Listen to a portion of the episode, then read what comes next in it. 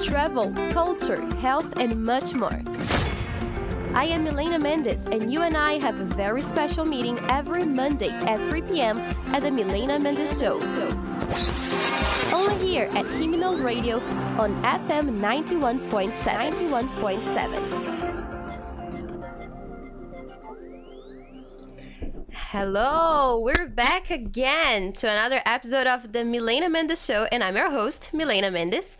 And I have the pleasure of having my friend Birgit again with us. Birgit, do you want to say hi to our listeners? Yes, hi everyone. We are here again on Monday every 3 p.m. Right, that's Yeah. right. Um, we're glad to have you here again with us with us this afternoon. And as you have already been told, um, in this show we're going to be talking about general topics. Okay, we are going to talk about entertainment, about sports, about um, cultural differences, about language, everything. So it's just an, an entertainment for you guys in English. Um, so we're really glad to know that you're here with us. Um, today we have um, two topics about events that happened over the weekend, and particularly, I'm super excited to be talking about them. Um, but first, before we tell our listeners what it is, Birgit, Okay. let me know what were you doing when you were a teenager, like about 15 years old, maybe. Okay. Uh, when I was reading today's topic, I thought, oh, I was actually not good in sports. but one thing came in my mind. Uh, one thing I was doing for sure throughout my high school, from it was uh, dancing. Uh, Really? Yes, I love to dance, and uh, I was in my uh, school dance crew. Uh, it was uh, traditional dance and uh, how we say the European the tango and Re- like that. That's a surprise that I did not know about. Tell me more about it, please. It uh, actually it started very funny. We were at the fifth grade, and me and my some friends, we were always goofing around, and we didn't want to do school. You know. then there was one time uh, at our school advertisement saying like, okay, we are looking for uh, possible uh, fifth graders who are interested in dancing. It was our school was promoting Okay. school announcement. Then we we didn't want to sit in a class. Then why don't we use this opportunity to go out of class? Then Such a actually, teenager thing to do. Then we uh, with me like four or five boys went out of class and went to there to get examined and we went there and uh, first two and three days all of us were there because we didn't want to sit in a class and but eventually some of them got out of that dancing and me and only one of my friends stayed there and actually this is how i uh, connected with dancing. Then from fifth grade to until my eleventh grade, the high school, I did not got separated. That is so funny. Well, did you actually enjoy the classes, or there was just still an excuse not to be sitting in regular uh, classes? I enjoyed class, and also I found one of my interests from the dancing. The, it was also not bad thing, and I got into it by That's the so time. funny. Yeah. Well, there are people who consider dance as a sport, and you know there are different kinds of um, Yes. Uh, yeah. body exercises. So why not? But like other sports, more Mm-hmm. like ball related, you know, like soccer, basketball, volleyball. Were you into anything of that, or not really? Uh, I was not into basketball either volleyball, the, which are the main two sports in Uh-huh. high school. Uh, but from seventh or eighth grade, I started uh, having interest in uh, ping pong, Uh-huh. the table tennis. right. Yeah, that is the one sport I got as f- how do you say the as the far as I go, I went for that sport. Others are no. Not really. Oh, that's so interesting. Well, I want to share with you guys something that actually is part of um, my world. Um, I was raised in a family of athletes. Okay, so Yes. mom dad he used to do track and field sports and mom she she became a professional player um volleyball player. I mean, in Brazil, and um, she would travel around, you know, for playing and stuff. So I kind of grew up in this kind of environment where sports was a part of our lives. So my brother and I, we grew up playing all kinds of sports. You know, especially at school, we had a really strong PE kind of class. Our teachers were super dedicated, and we would have um, practices outside of school hours. And De- Talis, my brother, Talis and I would play volleyball, basketball, soccer, and handball, um, like representing the school. You know, so What is handball, by the way? handball. Oh gosh. Um, Handball isn't volleyball. no, it's not. You actually have to score a goal. Okay, so I think it, we were six players in each each um each team, and then you're kind of lined up, and your um the goal the objective of the game is actually to score a goal. So you know you can only uh, take two steps with the ball. It's kind of related to basketball, but instead of instead of um scoring with a basket. You score with the goal, you know, and I love that. And I was quite good, to be honest. Um, pretty much in any sports that me and my brother Yeah, I practice, know. we did we did well. Um, I think it's on our genes or something, you know. Um, so yeah, we were competing for the school. We played for many years. I have tons of medals at home, which is a good memory that I have, you know. So when I mm-hmm. was choosing the topics for today, I was like, oh man, I imagine what the family of this one girl that we're going to be talking about today is feeling right now. Um, if you guys want to know already what we're going to be talking about, I'm sorry. I'm still going to keep this um, as a suspense a little bit more. And I want to ask you guys, listeners, you can also uh, comment on Facebook if you're listening to us on Facebook. Um, or Biggie, I have a question for you. Okay. How much were you? I mean, not in the past. Okay, yeah. Let's just focus as a teenager because it's the focus Okay. of this story. Yes. How much did you challenge yourself? For example, in the dance, you know, did mm-hmm. you always try to make harder moves or go for harder rhythms? How how much did you challenge yourself? Yeah, the dance is like it's not competing with physically, like you know, like uh, volleyball or basketball. But the where competing and where challenge happens is during the practice. You know, Uh huh. the when we practice because it's a ensemble. You said the group of sixteen people or group of twelve people will do one type of dance and. Uh, uh, pretty much every weekday evening we had uh, practice time. Like uh, you will have school from maybe uh, 1 p.m. to 5 p.m. and after from 6 o'clock to 8 or 9 o'clock we will have practice. Oh wow, that's a long hours training. Yeah, and uh, in order to have fluent movement or the correct movement, you need to do one thing that is uh, stretching. Mm, one thing that uh, I was very bad at. now I don't have any. I can. I even cannot touch my hands to the floor. wow. Standing. Standing like on your Yeah. two, two knees. Uh huh. Then uh, when stretching comes, it was the hardest thing that I was challenging myself. And when we go like, how do you say that you are trying to sit uh, flat on your Oh, to do a split. yeah split Uh-huh. split, and I couldn't do that one very well. And I Oh man, I that remember. hard.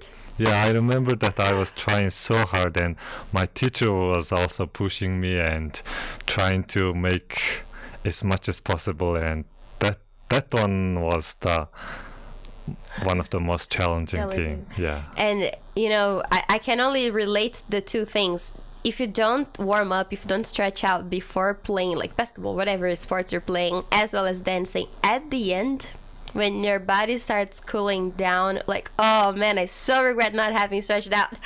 Um, and nowadays, what do you think teenagers I are like looking for the most in life? Because I see like um, it's such a trend now, you know, K-pop music and kids just want to look at artists and famous people and they want to copy them, you know. But I don't feel like they have any goals in life. So how do you see teenagers nowadays? Like how how do you feel like they are living their lives today? uh, I think every generation is different. The when we were young, it was there was no internet and there was no social media, and we were kind of uh, really uh, into the games that are physically Mm-hmm. uh, moving. You know. Then nowadays there are so many distractions, but even though there are distractions, I I think still teenagers are low into some of the Mm-hmm. sports.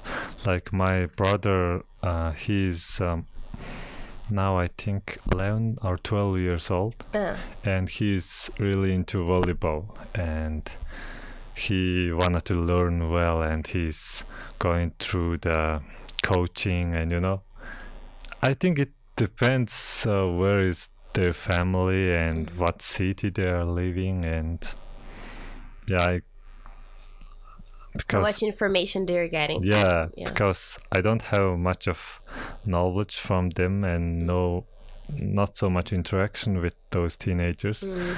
I can't. I oh don't man, know. if only you were a teacher. As a teacher, you hear this. Oh, there are always the stories, you know, that teenagers are telling, and it's it's sometimes I'm quite sad, you know, because some of them are super intelligent and smart kids, but they are spending, they are wasting their energies on things that are not going to lead them anywhere, you know? And it's totally different from our character of the day today. That's the story that I want to share first. Her name is Coco Gauff. You have heard of her probably over the weekend. Um, she's she's an American, and this girl who's only 15 years old, she became the youngest tennis titleist in 15 years. As you know, um, tennis it's divided into men's and um, women's association, and this girl, she's from Florida, and ever since 2004, no young athletes have had ever won um, a tournament until now, and she did it.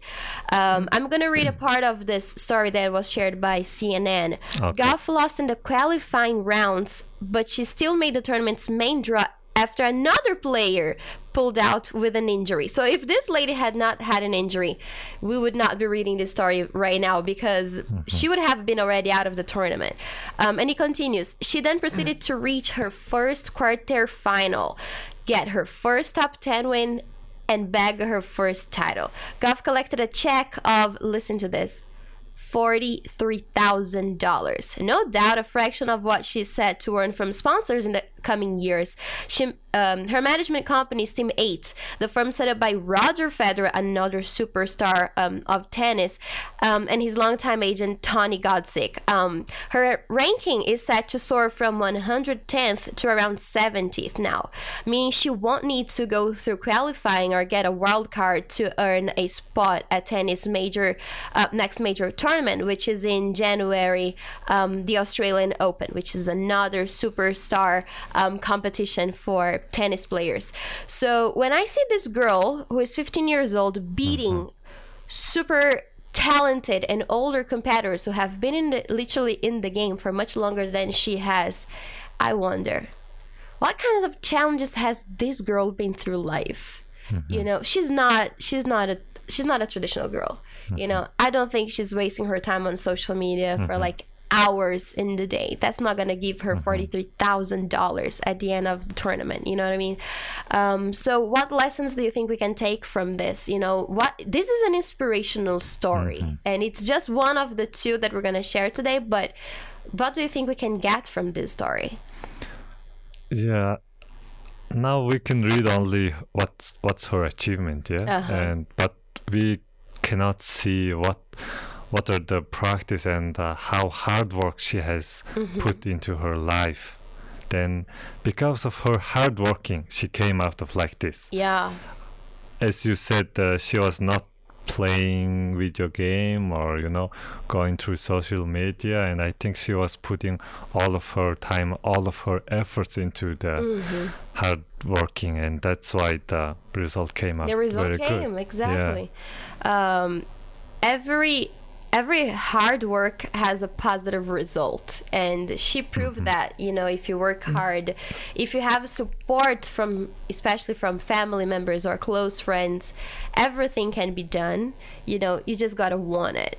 And just by wanting it she worked hard and now she's she's a world uh, um, she's um, um, one of the biggest tennis players that has been emerging because she just became a pro last year so Mm-hmm. she still has a long way ahead of her Yeah, and I think it was also not very easy for her. I think she No, had so much struggle and so much pain. imagine and, about the pressure yeah, Pressure. and so much hardship that she was going through. Maybe sometimes maybe she thought, okay, I can just quit. You know, I don't want to do tennis anymore. Like Mm-hmm. I think probably she had m- many many times this kind of thought. negative thoughts Yeah, but the one thing is that she did not let these thoughts take her over. And she just keep resisting and she was keep doing and I think she was honest with her intention and uh, goals in The in her life. exactly That's why she could get results. And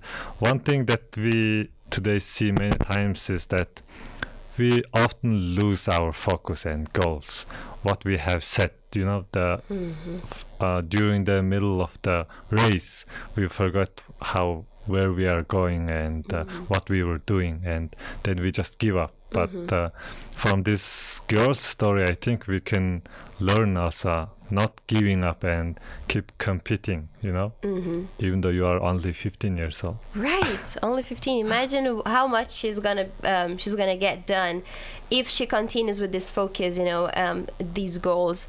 Um, and we're gonna talk about one story that's also oh my gosh, I love this story so much. I love any sports story, um, but this one is also very important for me because it has a lot to do with m- what my parents are doing now. So my mom, she she stopped playing, playing professionally after she had my brother or me. I don't really remember. Anyways, it's been at least 27 years now because that's my age. But um, I remember that I was really little, and then we would sleep like in the uh, in the gymnasium. You know, as she was playing, she would put down some mattresses, and then friends would just like watch my brother and I. We were just babies, little kids, um, but still, she played as much as she could. And now she's um, in her fifties, and she's still competing, but not as professional anymore. You know, she still has her groups that she goes for um, practice and competitions, but now her and my dad they are focused on running ever since i left brazil to live abroad for the first time back in um, 2012 i kind of think the empty nest uh, f- like syndrome kind of felt, uh, hit them, you know. So they started doing races. They joined a running club, and every Sunday they would go um, um, to this club and they would practice. And they started going every month. They would go for competitions.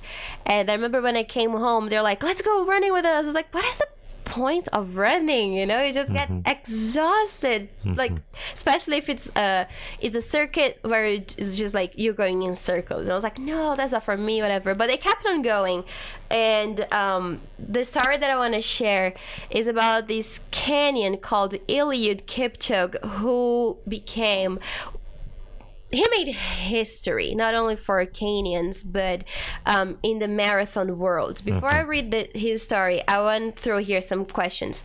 Do you feel like we are too limited physically, or do you feel like our limitations? They don't really come from our physical part, but from emotional part. Like we set our goals, and we're like, "I don't think I can do it," and then we just give up. Yeah, I think there is in a human body. I think there is almost almost no limitation. I think, Right? and I- heard one quote that uh, race. It was with a horse race or something like that, and it said the first half of the race, Uh. the horse race with their body ability, Huh. and the half, the rest of the race is with his uh, mind or with Yeah. his heart. He races like it's a.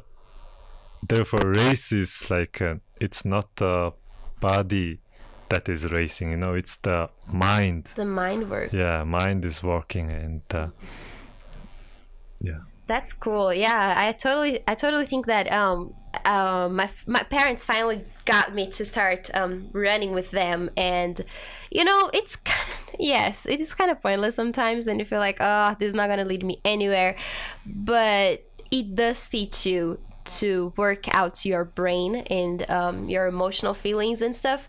I remember I was running this. It was the only 10k that I that I participated in, but it was at the beach, so it was way harder because you know you're running at the sand so the uh-huh. impact is different from if you're running on the roads you know? Everything's so different and harder. I was The like grip. yeah! And plus you're you're running and the ocean is right next to you and you're like i just want to go and swim. I don't want to do this anymore. I'm sore. I'm tired. Just want to mm-hmm. quit. But then there's that feeling in your mind that like go for it. You can do it. You got to finish it you know? Yeah. and i remember that i finished at 10k i think it was in two hours 30 some minutes you Two know? hours? i was exhausted yeah. Oh, that's two hours and 30 some okay, minutes. that's long. I know, right? Well, I had never done 10k, and it, you know, it was not the beach, so don't judge. Yeah. But yeah, two hours, I think it was two hours 33 minutes. You know, for 10 kilometers at the beach, and uh, I'm l- reading now this You story. walked, huh? Oh, I walked a lot. I will admit that. but at the end, I did get a medal for participation. Okay.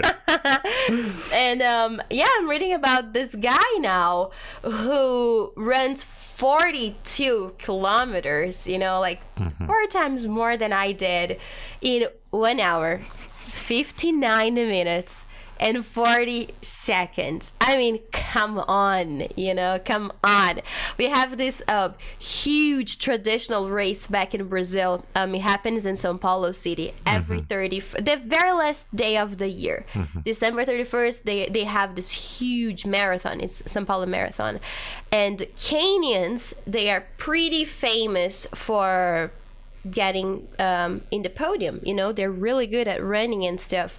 And it's no surprise for me that this guy now, over the weekend, it was Saturday, over the weekend, um, he successfully completed the first ever marathon under two hours in the Austrian capital of Vienna.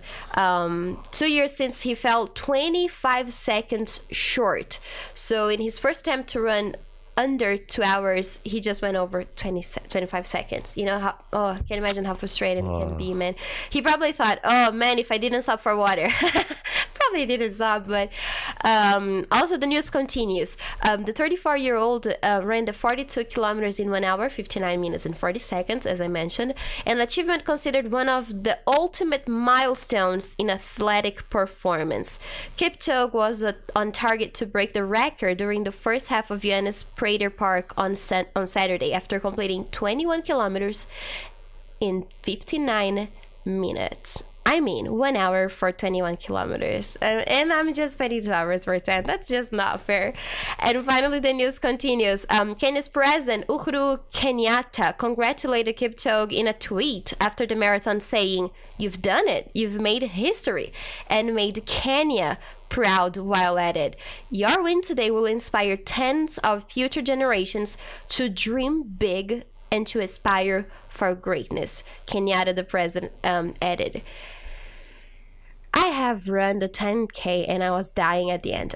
And I cannot Yeah. imagine what 42 might feel like, you Yes. know. Any thoughts on that? I was also run for 10k like uh, two years ago. Oh, how was it? Yeah, it was um, what was the name? The Achilles. It was Achilles Ah. marathon, and actually I made it in 58 minutes or something like that. Nice! That That's why I could tell like you walked.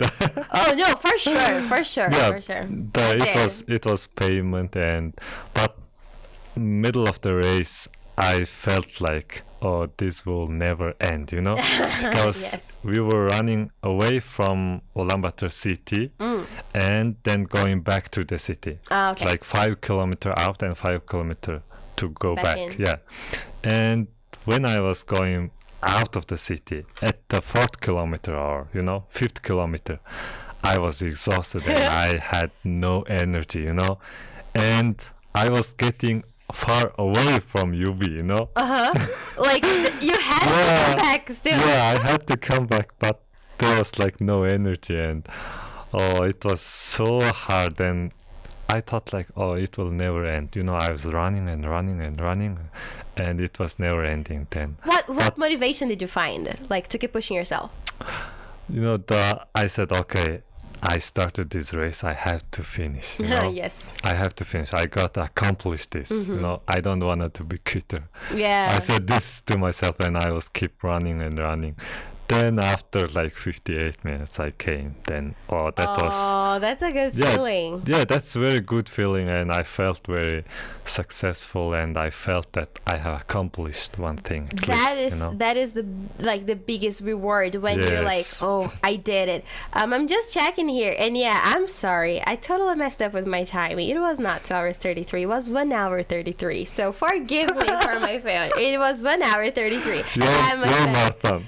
My 10k. Yeah, my 10k. yeah, yeah, yeah, that's that fine. makes much more sense. Yeah. It was, uh, yeah, I had just gone back to Brazil after they say so it was um, five years ago. So I had to Okay. refresh my memory. Okay, that's good. But yeah, yeah much better Because, than because I remember that people would normally walk Mm-hmm. five kilometer per hour.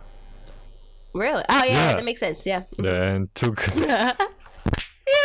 two hours, 30 minutes. It's even slower than. Have walked the whole mar- the whole race. Yeah. Oh man! But I remember it was like what was not motivating me was that while I was still like going because we it was pretty much like going to a certain point and then come back the mm-hmm. same route, you know. Mm-hmm. And I was still going like halfway. People were were already coming back and finish. I was like, dude. I just started. Slow down, you know. I was like, no, I can never do this. I can never do this. Why am I doing this?